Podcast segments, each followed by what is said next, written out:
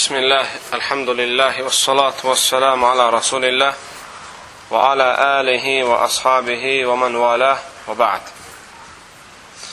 Elmi faydalar dərsimiz davam edir.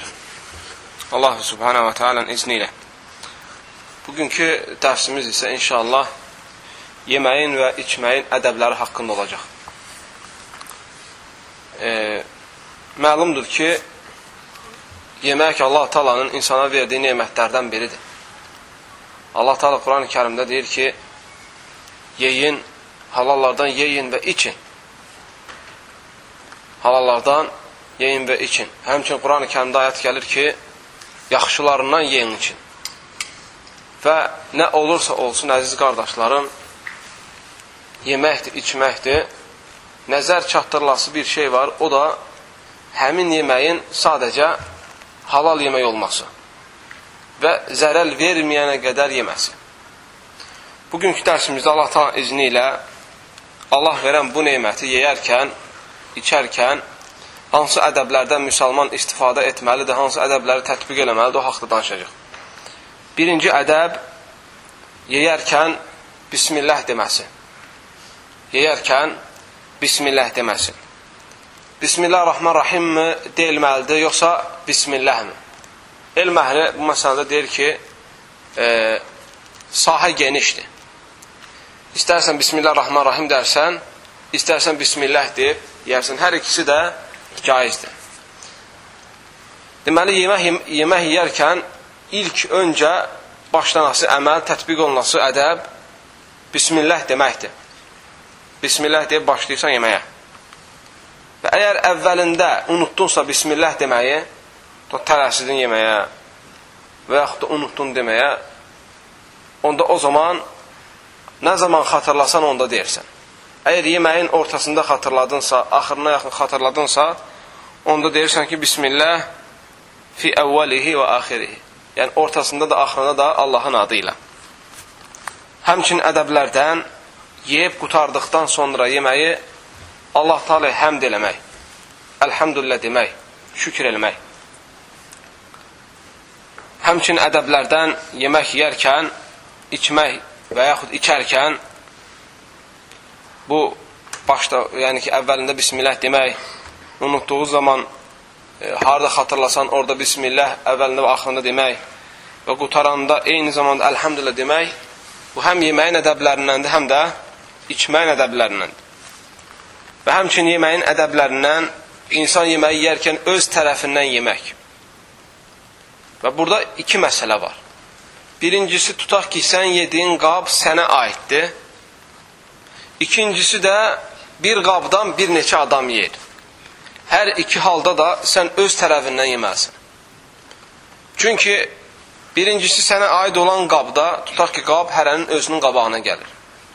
Adətən Əgər sən düşünsən ki, sən bunu yeyib qutaracaqsan, hə, onda istədiyin kimi yeyə bilərsən. Amma ehtimal varsa ki, sən həmin yeməyi bitirə bilməyəcəksən, çoxluq eləyir, hətta israfçılıq olmasın deyə öz tərəfindən yersən ki, o biri qalan tərəfdən də istifadə olunsun. O bir qalan tərəfdən də istifadə olunsun. Amma umumən bir, bir qabda bir neçə adam yersə, onda o zaman hər kəş öz tərəfindən yeməlidir başqasının qabağına əl atmaq, başqasının qabağına e, qaşıqla yemək götürmək və s. kimi bu yeməyin ədəbsizliklərindəndir. Həmçinin yeməyin ədəblərindən, əziz qardaşlarım, yemək yeyərkən düşən qırıntıları da yemək. Məsələn, aş yeyirsən. Aş yeyirsən və qaşıqla yeyirsən və yaxud əllə yeyirsən. Yemək yeyərkən qaşıqdan əlindən yerə tökülür yəni e, süfrənin üstə tökülür, təmiz yerə tökülür. Onu, onu da yıxışırıb yemək də yeməyin ədəblərindəndir. Çünki yeməsən israfçılıqdır. Bəzi insanlar var, bir qaşıq götürürsə aşı, ağzına çatdırana kimi qaşığı yarısını yerə tökür yeməyə. Belə çıxır ki, adam əgər 200 qram yemək yersə, yüzü israf olur. İstərsən çörək olsun, çörəyi qırdınsa, tutar əlindən düşdü bir hissəsi, təmiz yerə düşdü. İndi demirəm ki, burada əgər torpağa düşdü, çirkləndisə və yaxud münasib bir yerə düşmədisə, o zaman demirəm illa da yeməlisən, xeyr. Əgər düşən qırıntılar münasib bir yerə düşürsə, istən çörək olsun, istən başqa şey olsun, düşdüyü zaman o, qırant, o qırıntıyı da şeytana buraxmamaq lazımdır. İsraf eləməmək lazımdır. Onu da götürüb yeməlisən. Həmçinin yeməyin ədəblərindən yemək yeyərkən və yaxud içmək içərkən yediyin qabın içinə üfürməmək, üfləməmək. Ham bilir də üfləmək nədir? Yeməyin içinə üfürmək, nəfəs buraxmaq. Bəzi insanlar var, görürsən, stəkanın ağzına alır suyu, içinə nəfəs buraxar o içi. Bu, İslam dinində nəhiy olunub qadağandır. Yeməyi yeyərsən, içməyi içərsən, nəfəs buraxası olduqda, nəfəsi tənəffüs edəsi olduqda, yeməyi ağzından, yəni stəkanı ağzından uzaqlaşdırırsan və e, kənara tənəffüs edirsən. Və həmçinin yeməyin ədəblərindən əgər yemək soyuqdursa, o dərəcədə ki, bacarmırsan yeməyi. Onda tərk eləməlisən hətta soyana kimi. Yeməyi isti, yeməyi ağzı ilə üfləyərək soyudub yemək olmaz. Nəhi gəlib İslam dinində və burada da ilahi hikmətlər var, əziz qardaşlar. Ona görə yeməyi tərk elə soysun və yaxud da bacarırsan yeməyi, onda yeginə. Amma adətən yemək istidirsə, onu çalış, tərk elə hətta yeyilənə kimi, yəni yeyilmək dərəcəsinə düşənə kimi və yaxud da bunu etmirsənsə, ən azından üfürməqinə. Və həmçinin yeməyin ədəblərindən üç barmaqla yemək. Yemək yeyərkən üç barmağıdan istifadə etmək. Bu o demək deyil ki, əziz qardaşlarım, sən şorvanı barmaqlarından yeməlisən. Yeyə bilməzsən, sudur. Yeyə bilməzsən. Hansı yemək barmaqla yeyilirsə, qəsd olunan odur, üç barmağı istifadə etmək. Məsələ, tutaq ətdir. Əti götürüb tikəni üç barmaqla yeyə bilərsən. Bu o demək deyil ki, 10 barmağını da işlədirsən, iki ələnlə də tutursan möhkəm, dartırsan. Üç barmağı ilə tuta bilmədinsə, onda başqa, başqa barmaqları ilə kömək, yardım elə bilərsən. Amma elə eləmə ki, əlinə götürdüyün tikə 2 kilola. 1 kilola. İlla da harada yekəsi oranı götürürsən ki, başqası götürməz. Hə? Deməli, üç barmaqla yemək. Hansı yeməklər ki, üç barmaqla yemək mümkündür və yaxud yeyilir. Və yemək məsələsində ölkədən ölkəyə, qəbilədən qəbiləyə, kökdən kökə, nəsildən nəslə fərq var. Hətta ola bilər ki, bir ölkədə yaşayırlar, bir millətdir. Amma yemək, yemək mətbəxləri fərqlənir qəbilədən qəbiləyə. Bu yemək, bu qəbilə başqa yeməklərlə məşğuldur, o birisi başqa. Məsələ, ölkədən ölkədə fərq var. Bəzi ölkələr var, ana yemək orada çörəkdir, ana yemək. Yəni, çörəksiz bir süfrə olarsa, o süfrə kasıb bir süfrə sayılar. Bəzi ölkələr var ki, orada ana yemək aşdır, düyüdür. Və orada illər keçər insanlar çörək görməzlər, yeməzlər. Ana yemək orada düyüdür. Və düyüsüz süfrə kasıb bir süfrə sayılar. Deməli, burada ibrət oradadır ki, əziz qardaşlarım, ibrət bir şeydə sadəcə əgər yeyilən yemək adətən barmaqla yeyilən bir yeməkdirsə, onda o zaman üç barmağınla istifadə etmək yeməyin ədəblərindəndir. Bəzi yerlərdə e, həqiqətən əllə üç barmaqla yeyiləsi yeməklərdə görürsən israfçılıq var. Bəzən görürsən ki, əllərini bulayırlar lap bu topuğa kimi. Kim yerdə bəlkə də quluv olmasa, yəni dirsəklərə kimi hətta bulanır dirsəklərə kimi, bu təsəvvür olunub dirsəyə kimi qol bulana. Bəli, bu. Mən bəzi yerlərdə buna müşahidə olmuşam. Qol bu dir dirsəyə kimi yemək olur. Yəni yağ olur. Axır ya axır, ya sürtür harasa. Qollarını gərək onda çərməyəsən lap yuxarıya kimi elə başlayasan oturub yeməyə. Umumən, gərək müsəlman ədəbli olsun, ərkanlı olsun. Harada olursan ol, yeməyin ədəblərini tət tətbiq elə kultura, mədəniyyət İslam dininin özəlliklərindən də əziz qardaşlar.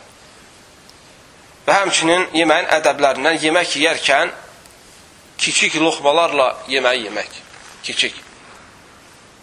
Bizdə demişkən, parat bəyi bürüb büküb ağza təppəkdir. Ha, bu da bunu da sən bir adam özünə götürə.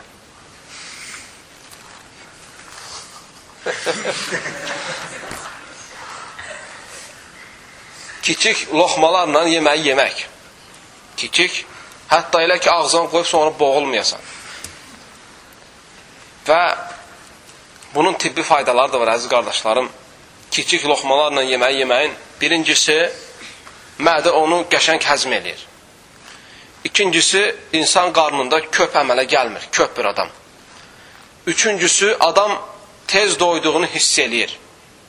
Yəni, mədə, mədəyə yemək düşdükdən sonra tibb alimlər deyir ki, 20 dəqiqədən sonra beynə siqnal göndərir ki, beynə işarə göndərir ki, doydu mədə. 20 dəqiqədən sonra. Ona görə adətən insan yeməyi tez-tez yeyərsə və iri loxmalarla çeynəmədən, onu ağzında xırdalamadan udmağa çalışarsa, bu insanlar adətən həddən çox yeyər. Və belə insanlarda qarın köplüyü və yaxud qarında ət, kökəlmə baş verər. Çünki siqnal gec gedir beynə. Deməli, İslam dində ədəblərdəndir kiçik loxmalarla yeməyi yemək və ağızda yaxşı çeynəmək və uzaq loxmalar, yeki, böyük loxmalardan uzaq durmaq. Və həmçinin tibbi tərəfindən sübut olunub ki, adətən qarnı böyük insanlar o günə düşməklərin səbəbi iri loxmalarla və tez-tez yeməyi yeməkləridir. Həmçinin yeməyin ədəblərindən, əziz qardaşlarım, yemək əsnasında və yaxud yeməyi bitirdikdən sonra əli yüməzdən və silməzdən qabaq barmaqları yalamaq. Bu da sünnədə gəlmişdir. Peyğəmbər s.ə.v yeməyi yedikdən sonra əlini silməzdən və yüməzdən qabaq barmaqlarını yalayardı. Əgər barmağa bulaşası bir yemək idisə. Və burada da eyni zamanda tibbi tərəfdən subut olunub ki, Allah taala görün insanı necə yaradıb əziz qardaşlarım. Bir insan adətən əli bulaşacağı, yaxla, əlinə yaxlası bir yemək yeyirsə, adamın barmaqlarının ucundan yeməyi mədədə həzm eləyən, e, etməyə yardım eləyən ifrazatlar çıxır. Yəni, barmaqlardan, barmaq mədənin yeməyi həzm etməsi üçün yardım edən bəzi maddələr ifraz eləyir. Və sən onu yaladıqda, onu da udursan, mədədə yeməyin gözəl şəkildə həzm olunmasına səbəb olur.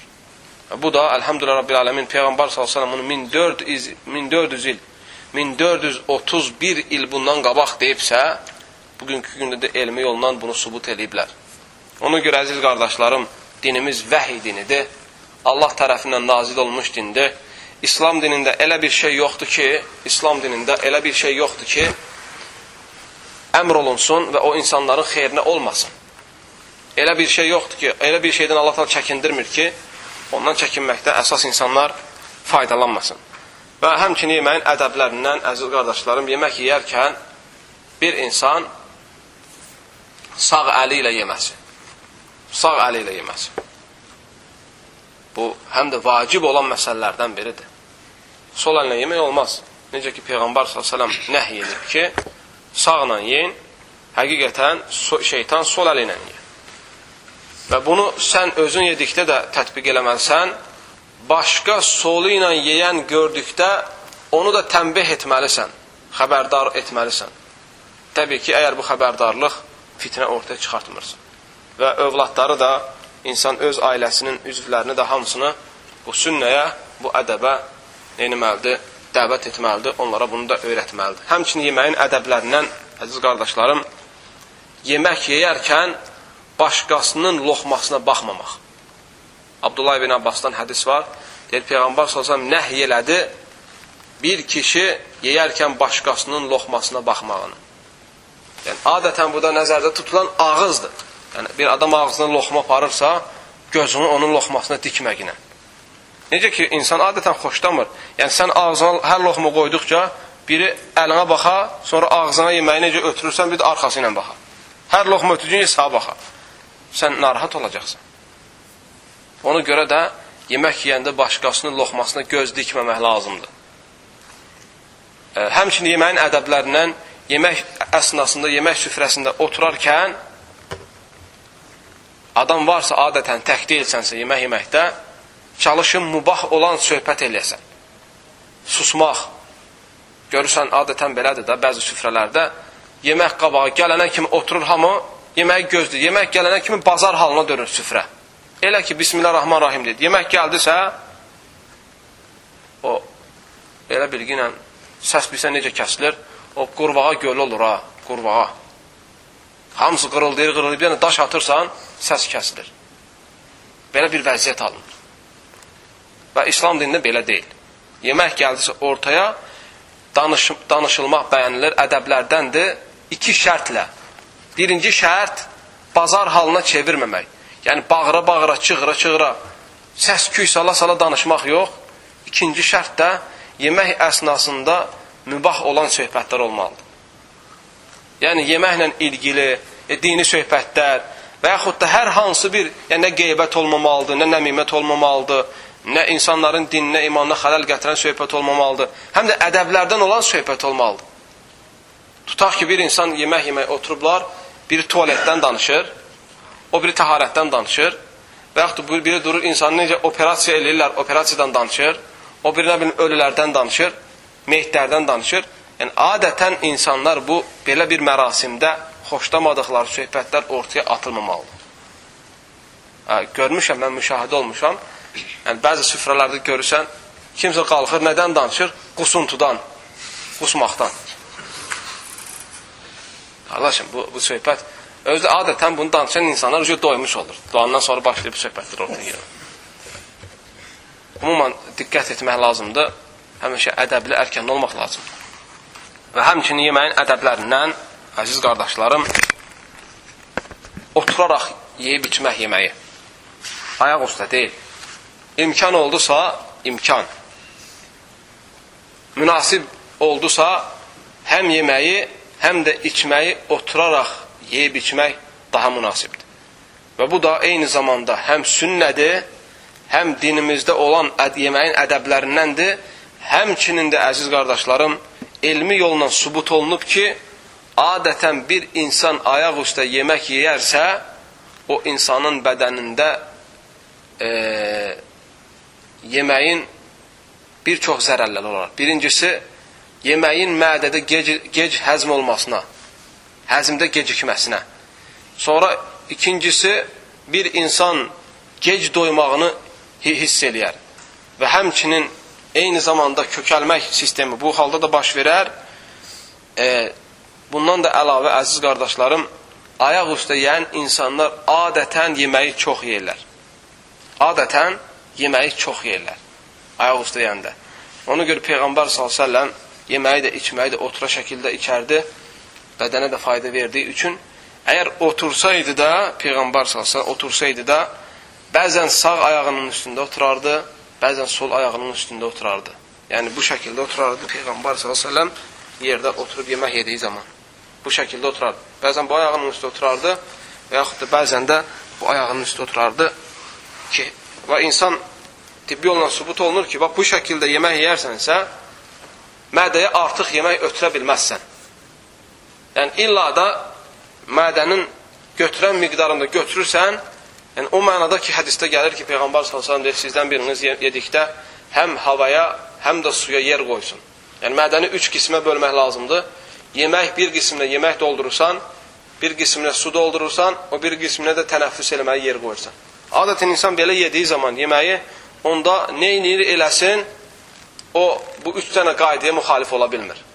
Çünki adətən belə yedikdən sonra mədə sıxıldığına görə mədənin bir hissəsi yarısı və yaxud yarısından bir az çox hissəsi sıxıl, e, sıxıldığına görə ora yemək qəbul eləmir.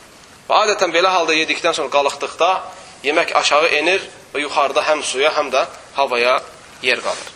Və bununla bu dərsi tamamlayıram. Allah bizə işdə faydalarını etsin. Ədəblərdən, ərkanlardan ə, ədəb tətbiq eləməyi nəsib eləsin və bizi ədəbli və gözəl əxlaqlı qullarından eləsin. Verdiyi nemətlərə şükür edib həmd edənlərdən etsin. Və sallallahu aleyhi və səlləm və barik alə nəbiyinə Muhammed və alə alihi və ashabihi əcməin.